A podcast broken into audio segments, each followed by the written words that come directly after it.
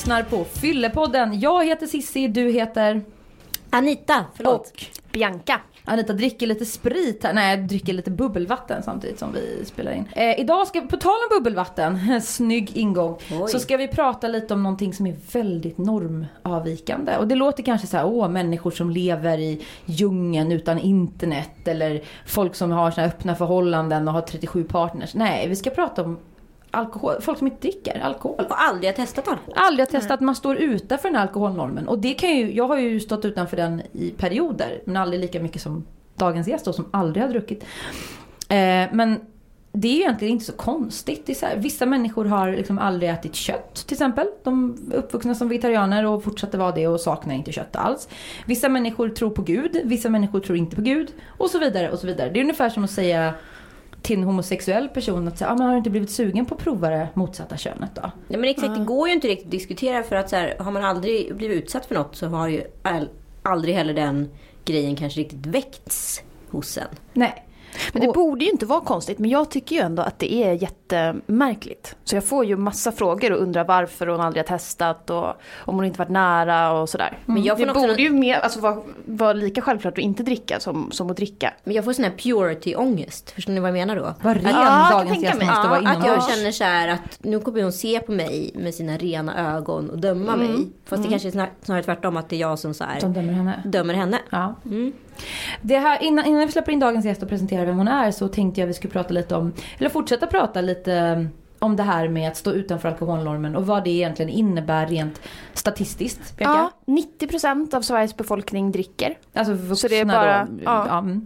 Så det är bara var, var tionde vuxen då som står utanför. Och vi är Och nästan, vi en nästan- av de länderna i världen va? Exakt, nästan högst i världen. Det är Danmark slår oss med 93% som dricker. Mm. För kollar man Mellanöstern till exempel så är det ju väldigt många som inte dricker. Nu har inte jag några siffror men Ja. muslimer är ju ofta ganska eh, bra på att inte dricka. Men sen var det Precis, också men även Portugal så är det 58% som dricker.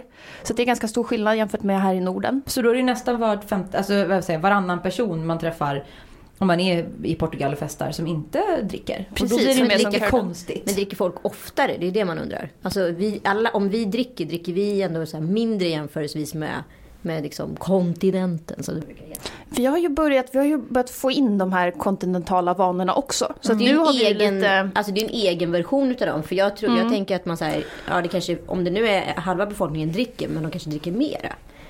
Vi dricker jätte, alla utav oss dricker, men om vi också börjar dricka mer då måste det vara katastrof. Så tänker jag. Ja, för där i Portugal till exempel, där var det de som drack, drack dagligen Jaha. i princip. Så Så egentligen det- så är jag inte själva riktigt här i Sverige. mängden liksom, i statistiskt för hela befolkningen blir typ samma för att de dricker så mycket istället. de Ja, som men det kanske dricker. blir det. Men vi dricker ju mer och mer. Vi gick ju från det här att uh, fylledrickandet till att också ta in det här kontinentala vindrickandet. Jo men det, är det det jag tänker det blir så skevt. För att vi har ju liksom en väldigt skev bild utav vad som är kontinentalt. Ja. Och när jag tänker att vi pratar om kontinentalt, då tänker vi hur det är på, när vi åker på semester. Eller en bild vi har utav hur det är i Spanien. Men vi har ingen jävla aning egentligen. Inte hur deras vardag ser ut. Det är ju Nej. svårt om man inte har bott där eller så. Och sen som man dricker två små ballong som det heter på spanska, de här små, eller franska, de här små vinglasen. Eh, Mm. Det är ju det ungefär som ett vanligt vinglas i Ja, Sverige. just det, vi har så stora glas vin. det är som en Eh, hel så det kanske inte är så farligt att dricka ett glas vin per dag, eller? Det vet jag inte. Ja, det, där, det är som att forskarna aldrig riktigt bestämmer sig om det där. Det är Nej. fortfarande vissa som säger att det är bra, vissa som säger att det inte är bra. Det finns några avantgarde-forskare som påstår att det är nio glas vin om dagen.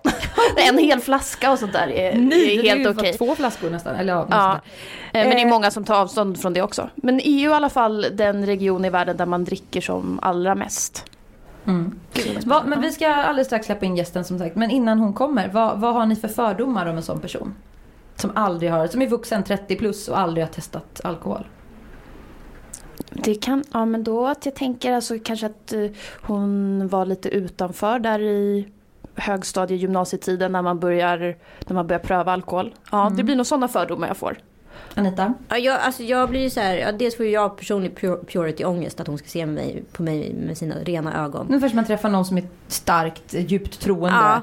Och ska säga du har inte mött Gud så du vet inte hur Precis. det är. Men sen så tänker jag också vilken stark människa som har så här, stått emot grupptryck. För att det är ju därför, alltså den stora anledningen tror jag var varför jag själv började dricka i högstadiet och så. Det var ju för, på grund av grupptryck.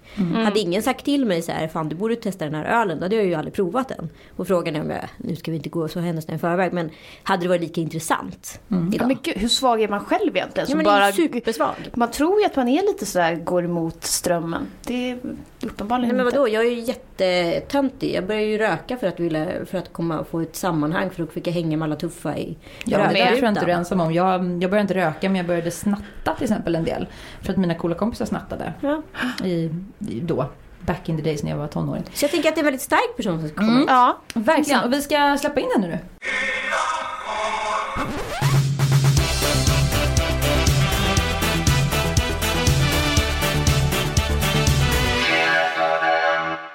Då säger jag välkommen hit Caroline Heiner. Tack. Journalist, eh, författare Mm. och även livstidsnykterist eller absolutist. Vad ska man kalla det för? Äh, inte absolutist, det låter som att jag har tagit någon slags politisk ställning och det har jag inte. Det handlar mer om smak. Ja, du har aldrig druckit Nej. alkohol. Har du aldrig liksom smuttat en mun champagne eller? Jo, det har funnits tider då jag har liksom provat druckit en klunk av någonting och sen eh, bestämt att det inte var gott. Men har du haft den karaktären även när du var så här tonåring och växte upp i I Hagsätra? Hagsätra? jag visste precis. att det var en förort till Stockholm. Men Jaha. Ehm, och så här, ah, jag tog en klunk i folköl men nej men det här var nog inget för mig.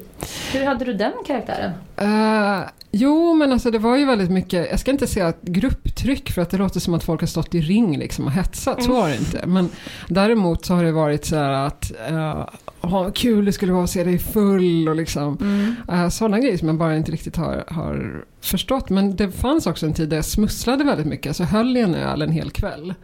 Och låtsades att det var så här, jag är inne på min andra, jag är inne på min fjärde nu. Eh, fast jag liksom aldrig drack den. Så den, den tiden fanns. Uh, där jag liksom, Du orkar inte ta alla konnotationer och Nej. tjatet så. Mm. det är ju sjukt att Men man ska vad- behöva fejkdricka. Vad fick du ta beslutet liksom? Ehm, Eller var det nej, ett men, beslut? Nej men det var inget beslut utan det är ju lite som med kaffe eller liksom någon annan sån här vuxensmak. Att jag har, har ju bara inte kommit över någon slags gräns när jag tycker att det är gott. Och jag menar vid 37 års ålder som jag är nu så verkar det lite onödigt att försöka tvinga sig själv att dricka Ja, eh, ett glas vin eller en öl. Även om jag tycker att det ser väldigt gott ut. Och sen blir det ju lite ibland ett socialt handikapp också. Men på vilket sätt då? Därför till exempel om man är två och äter middag på tu man hand, man äter en god middag där de liksom har komponerat så att vinet ska liksom framhäva maten och så, så säger man så här nej tack jag tar ett glas vatten. Då känns det som att man sabbar lite stämningen. Men tycker du rent av att det är äckligt att dricka? Ja, Är det den här för när jag själv inte har druckit på i perioder och sen tagit ett glas någonting igen. Då kan jag säga shit vad det här smakar sprit. Ni vet om man har druckit alkoholfri öl till exempel. Och sen dricker man en alkoholig öl. Då tycker jag i alla fall att den alkoholiga ölen smakar väldigt mycket så här mäsk eller spritigt. mm. Så kan jag tänka att du upplever det när du smakar att så här, vad är det här för skum eftersmak av absolut. etanol? Jag brukar säga att det smakar beskt. Mm. Ja men det gör det ju. Och det kommer jag ihåg när man var liten och testade eh, en klunk utan någonting. Och man tyckte så här, åh vad äckligt, det smakar bäst, varför vill vuxna dricka det här? Men ja, men också även när man, var, när, när man började dricka, alltså i tonåren, då tyckte väl alla, lite som du tänker att man, man tyckte det var äckligt och man gjorde häxblandningar och, Och de var ju supergoda. Ja, så det var ju bara att hålla för näsan och hälla i sig. Men Det, det, Men jag du- kommer aldrig dit. nej, Men du har aldrig saknat, nu blir det väldigt mycket att vi grillar dig och det är medvetet. Mm. Vi har väl hög tolerans kring det här bordet men jag tänker att, vi har ju fördomar som alla andra men folk som lyssnar på det här kanske tycker att det är så himla konstigt. Att det är... Eller så inspirerande. Ja, men, men alltså den, den första reaktionen är så här, va? 37 år och aldrig ens har varit full? Hur? Du har missat något ungefär. Kan du vara trött på den? Ja, lite. Jag är ganska van vid den. Eh, Det har hänt mig, några saker som har hänt under de här 37 åren är att jag har blivit bjuden på drinkar för att, alltså av bartendrar, för att de tror inte på mig när jag ber om en alkoholfri drink. Det har Nej. hänt vid tre olika tillfällen att säga nej, men det är klart du ska ha lite sprit i, så häller de i liksom. Eh, det har också hänt att folk blir väldigt provocerade och man märker nästan alltid vem i rummet som kommer bli mest provocerad. Och då, är det det? då ska jag säga också att det är inte så att jag står, jag brukar oftast beställa en alkoholfri drink när jag är ute. Mm. Eh, för att det, det är gott och det kan man stå med liksom, och det ser inte ut som att man dricker ett glas vatten. Men man märker ofta någon i rummet som blir man märker vem det är som blir arg, som kommer fram sen och sen kör liksom Du tror att du är så mycket bättre än oss. När de Du- själv är lite full. Ja, ganska mycket. Mm. Det har hänt. Så att jag är ganska van vid de här fördomarna och det är därför också som jag, eh, det är ingenting som jag går ut med så eh, nu gör jag ju det, men att jag inte dricker. Too late. Eh, too late for that. Eh, om det är någon som jag träffar för första gången eller sådär. Men beskriv jag den karaktär- innan. Beskriv den karaktären som så här blir arg. Kan du, är det, Det är samma, är det samma som- person utan samma karaktär? Det är oftast en karaktär som redan är lite full och som kanske är en sån som blir lite konfrontationell. Konfrontativ. Eh, när eh, den, hen blir full. Eh, och som gärna kanske har problem eller som ser sig själv i någon dålig dager och tar ut det på mig. Det Och tror hänt. du att du, det här är klassiker, den som vi har pratat om det tidigare i podden också. Att den som är nykter tror många är den som har stenkoll och så här ah, antecknar och nu gjorde Pelle det och nu gjorde Kajsa det där. Det kommer jag komma ihåg. Medan när jag har varit nykter ute, jag har ju dåligt minne ändå. Jag kommer inte ihåg vad Anita har sagt när du har varit full och jag har varit nykter. Liksom. Nej, exakt. Så att det, det kanske är det som läggs, det läggs ett ok på Mm. en som den nyktra. Att du är någon slags vakande hök och ska vara det. Fast det är du väl inte?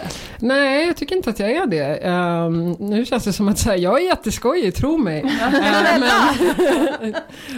Nu snackar vi men nej. fördomar här, vad folk har Ja, för- nu snackar ja. vi fördomar och jag menar, jag går ju ut. Mm. Jag står i baren, jag sjunger karaoke, Mm. jag är a lot of fun. Eh, Men, eh, men jag behöver inte alkohol för det, tycker inte Nej. jag i alla fall. Sen eh, kanske jag var ännu roligare om jag drack alkohol, men det vet jag inte och det lär jag inte få reda på heller. Men det känns ju som att du har tränat upp dig på att bli modigare då. För att du har ju aldrig tagit till alkohol i de här situationerna där de flesta gör det för att bli lite kaxigare.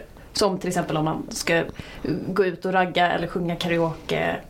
Eller gå på dejt. Eller hålla tal på ett bröllop. Ja, eller Dejt är också så här som jag tänker att det är så inbakat i romantiken att man ska ta det där fina glas vinet och Tar sådär. du en walk and talk då? Om du går på dejt? När jag går på dejt.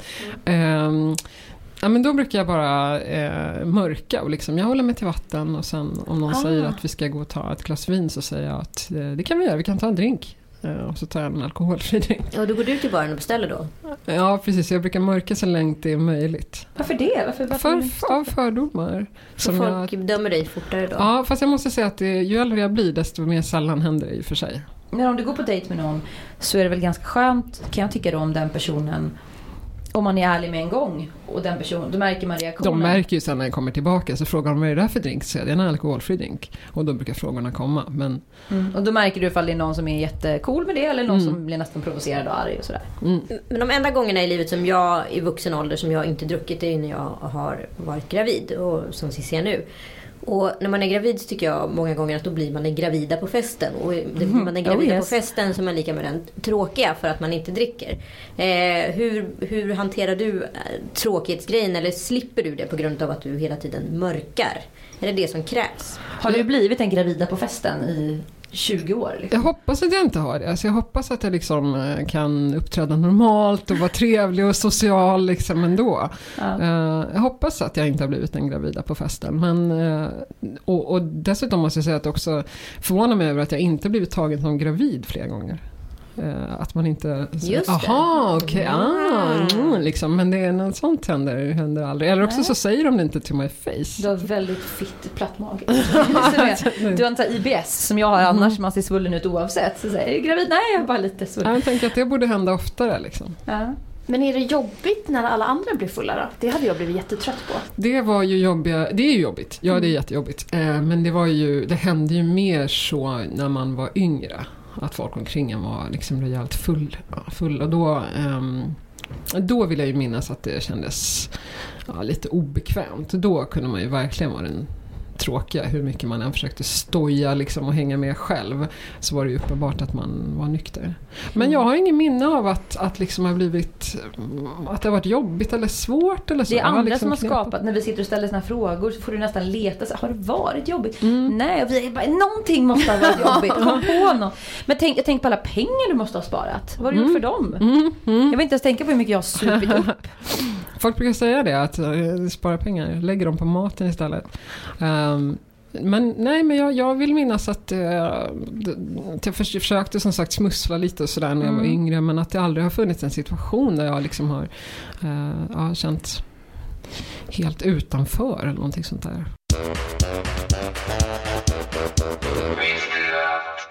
Danmark och Sverige är de länder inom EU där störst andel av befolkningen konsumerar alkohol. I Danmark dricker 93 procent av befolkningen. Motsvarande siffra för Sverige är 90 procent. Därefter kommer Nederländerna med 88 procent. EU är den region i världen som har högst alkoholkonsumtion. Totalt är det tre fjärdedelar, 76 procent av befolkningen som konsumerar alkohol. Nio av tio har druckit under de senaste 30 dagarna. Det land med lägst andel personer som konsumerar alkohol är Portugal. Där dricker 58% av medborgarna. Men 43% av de 58% uppger att de dricker dagligen.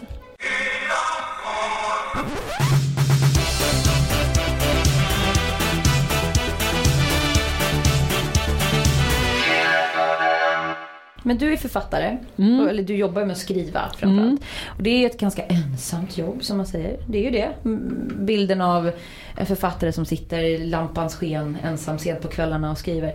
Och det är ju också väldigt förknippat med dricka. Alltså vi pratade om det i ett annat program att eh, Jan Guillou alltid dricker. Vad var det du sa? Jag hade efter vissa antal tecken får han dricka en fyra centiliter. Ja, precis.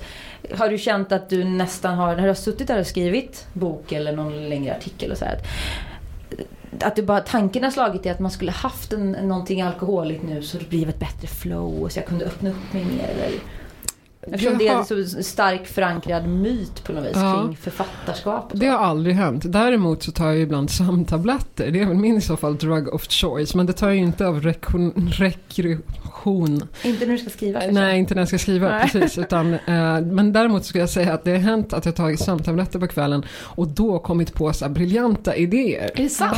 Ja, eller tycker jag. Så skriver jag dem eller bloggar om dem och sen dagen därpå så är det ju riktigt genant. Liksom. Men, så det har hänt. Så att jag har ju någon slags så här, eh, jag är inte helt drogfri om man ser till sömntabletter som jag tar. Men däremot, eh, det var roligt att du nämnde min bok för att i den så står det ju att jag inte dricker alkohol. Eh, är fick ju in själv- det på något. Jag fick in det på, något, på någon hörn. Eh, och det är folk som har läst den som jag har träffat som har sagt, eller när jag har sagt, ni vet kanske tagit en drink och så har jag sagt en alkoholfri drink och då har de sagt ja just det, det dricker ju inte och så har det inte varit något mer med det. Så det var ganska skönt skönt. att du har gjort Ja, en grej av det i boken. ja, ja. Ja. Eh, Men är det lättare nu? Upplever du att det är lättare nu idag? Eh, jag, vet inte, om- jag kan inte avgöra för min egen del om det här har med att det har hänt någonting i samhället eller om det har med att man är äldre. Att det är lättare att vara nykter och, vara, och att folk inte är liksom lika nähä, jaha. Men det som finns det en var för tio år sedan. nykterhetstrend tror jag nu.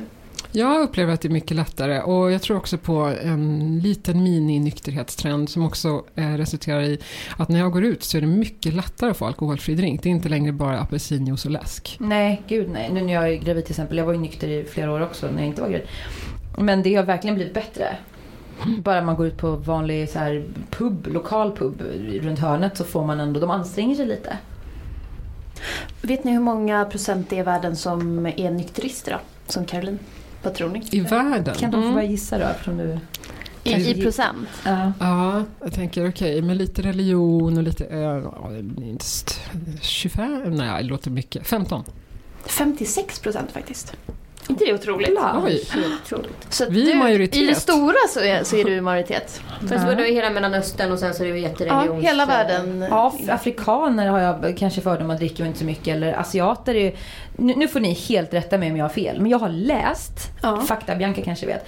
Att en del asiater har en gen som gör att de inte tål alkohol lika bra som, Ja, det känner jag också som igen. andra folkslag eller vad man ska säga. Ja, det Det är vi- något, eh, jag tror att det är något enzym som de saknar. Mm, som bryter ner. Så att det, vi, vi vi får kolla upp det bättre. Men ja, någon, någon sanning ligger i det i alla fall. Men där ser man ju lite hur, hur normer kan vara väldigt lokala. Men man tror att de är globala. Att så här, eh, vi tar med oss svensken då generellt. För en majoritet av svenskarna dricker ju vuxna. Tar med sig den alkoholkulturen utomlands. Och jag kan bara tänka den kulturkrocken. Alla svenskar som åker till Thailand. Många eh, thailändare kan jag tänka mig, jag har inte siffror på det kanske, men dricker inte. Eller turistparadis, Turkiet. Att då hänger vi bara med andra svenskar. då, Jo men liksom. när de ser oss, vad de tänker, så herregud vad Ja. är det här? Då är man nog på sån all inclusive va? Så man får dricka många drinkar man vill. Ja, man går och tar såna här som i eh, sån här, en kran, fyller Ja. på vin liksom med en stor behållare. Men apropå, apropå liksom utlandet och sådär. Finns det något land du känner liksom att det är mer enklare för dig med de här att inte Mm. dricka? Jag är i Los Angeles två månader om året och där tycker jag att det är ganska enkelt att inte dricka för där kör ju folk så mycket. Just det. Så att Ah, de det är tar en liksom bilstad. bara... Det är en bilstad, så de tar bara en drink högst och sen är det bra med det. Mm. Och om jag inte tar någon, det är inte konstigt alls. Och där är också, börjar också bli lite så här konsthantverk nästan i att eh, göra alkoholfria drinkar. Det, eh, det kommer fler och fler avancerade sådana märker jag på när jag är ute där. Ja men det flyter ihop, jag som är i New York några månader per år. Så, New York och LA är inte riktigt representativt för resten av USA, men det är ändå två trendkänsliga städer. Eh, att det här juicekulturen, juicebarskulturen har också klättrat in på kvällen. Att vill man inte gå till en skränig bar så kan man hänga kvar på det här juice-smoothie-haket. som har lite, kommer någon DJ bara spela och så fortsätter de servera de här alkoholfria drinkar. Juicerna blir liksom drinkar då.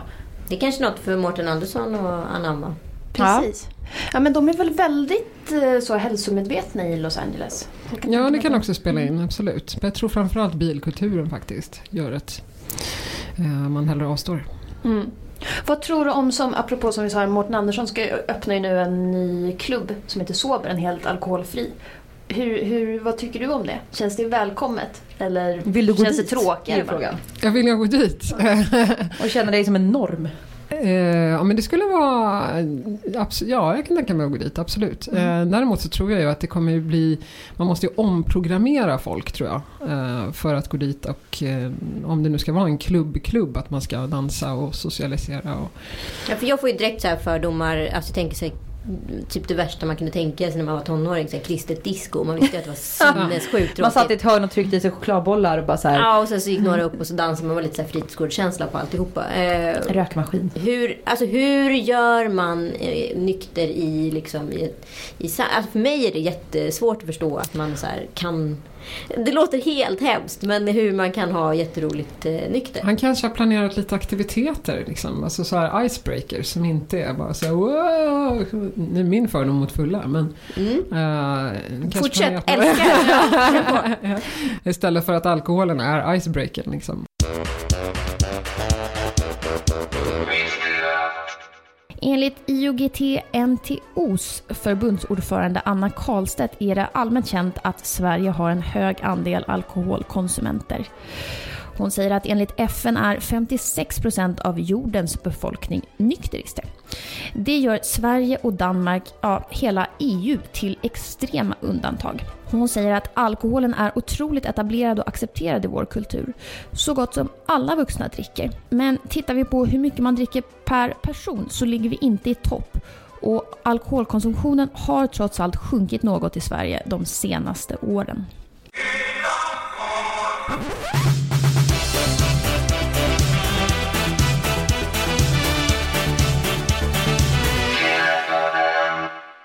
Men du som är nykter, eh, kan du känna att, lite ledande fråga kanske, men att alkoholen är väldigt central i vår kultur? Att vi, kultur, vi samlas kring alkoholen. Vi hittar nästan på skäl att så här, åh, på onsdag så kör vi eh, då firar vi att det är halvmåne genom att dricka massa sprit. Alltså att vi nästan hittar på anledningar för att Oh, kunna ja. festa. Oh ja, Med oh ja. Och, eh, ja, oh ja, och i Sverige i stort överhuvudtaget. Och det märker jag ju mer och mer också. Det har, eh, man blir bjuden på kräftskivor, man blir bjuden på sånt där de säger Åh just det, så ska vi fixa en cider till dig.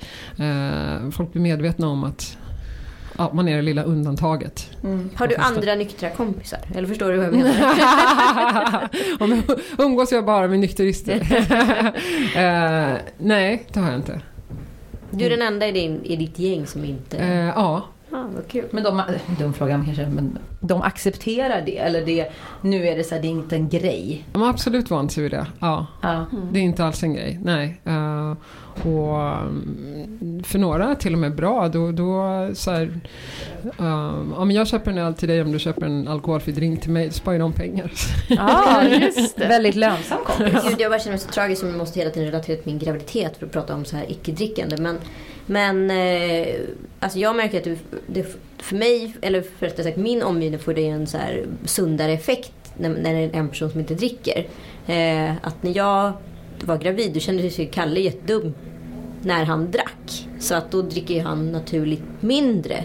Ja, det ser ut som min Eh, man nu också. ja. Fast jag inte har sagt att du får inte. Utan han gör ju som han vill. Men det är inte lika kul att sitta och bli kalas med någon som är nykter. Precis. För, har du, tror du omedvetet har den effekten på dina vänner? Eh, vänner vet jag inte, men däremot i relationer har jag definitivt haft, haft det. Ja. Eh, Då har det inte varit lika liksom, naturligt, eller man ska säga, att ta en, ett glas vin till maten hemma. Liksom, eller, eh, Men det är så här, ska jag knäcka en flaska själv? Det är ju Mm. precis, nu öppnar jag den här till mig själv. Det blir lättare att man avstår då kanske än att Mm. man delar ja, på men det har absolut blivit en effekt. Mm. Sen gjorde jag ett experiment som varade i en månad ungefär. Eh, I somras när jag försökte dricka. Jag tänkte så här, men nu kan vara... Jag, kan, jag är vuxen nu liksom. Jag kanske, kan, kanske, kanske har lärt mig Mm. gilla det här. Och det hade mer att göra med att jag tycker att det ser väldigt gott ut. Mm. Eh, jag tycker att liksom när man häller upp en öl så där från en tapp, liksom massa skum. Det ser ju väldigt gott ut. Men så tycker jag öl är det äckligaste som finns. Så du provade på så här, största allvar i somras? Och, Ja, på största allvar som ett projekt liksom. Men det, eh, nej, det gick ju inte. Vad prövade du då? Eh, Jag provade, nu, nu smuttade jag på folks liksom, eh, drinkar och sa att så här, jag vill prova hur det smakar. Först luktade jag på det eh, och tyckte att det luktade illa. Och så tänkte jag så här, men det kanske smakar gott. Eh, Så jag provade öl, champagne, vin, whisky. Oj, och så här, en klunk av varje. Nej, gud det var ju så äckligt. Så. Nej, Gud vad roligt. Det är så här, det är, så, det, nu låter vi som att vi exotiserar det, det gör vi också men det är ovanligt, tyvärr kan man säga, med en vuxen människa i vår kultur som smakar på whisky eller öl första gången. Så här, alltså det, det tänker man att man gjorde när man, tyvärr då när jag var 12 kanske. Och så här- 12-13. Ja, och sen så vande man sig för att det blev en del av... Ja men det var det jag trodde. Jag tänkte att Livet. om det kanske hade med smakläkaren att göra att de hade blivit utvecklade. Ja, men precis, det de har det förändras inte. Så att nu, år. nu dröjer det väl 40 år till innan jag testar nästa gång. Ja, ja, men det är lika bra att Mm. att spara de pengarna kanske. Så att nej, så nu är jag eh, nykterist skulle jag säga, men inte absolutist. Nej. För att det är, något sånt politiskt ställningstagande har jag liksom inte tagit.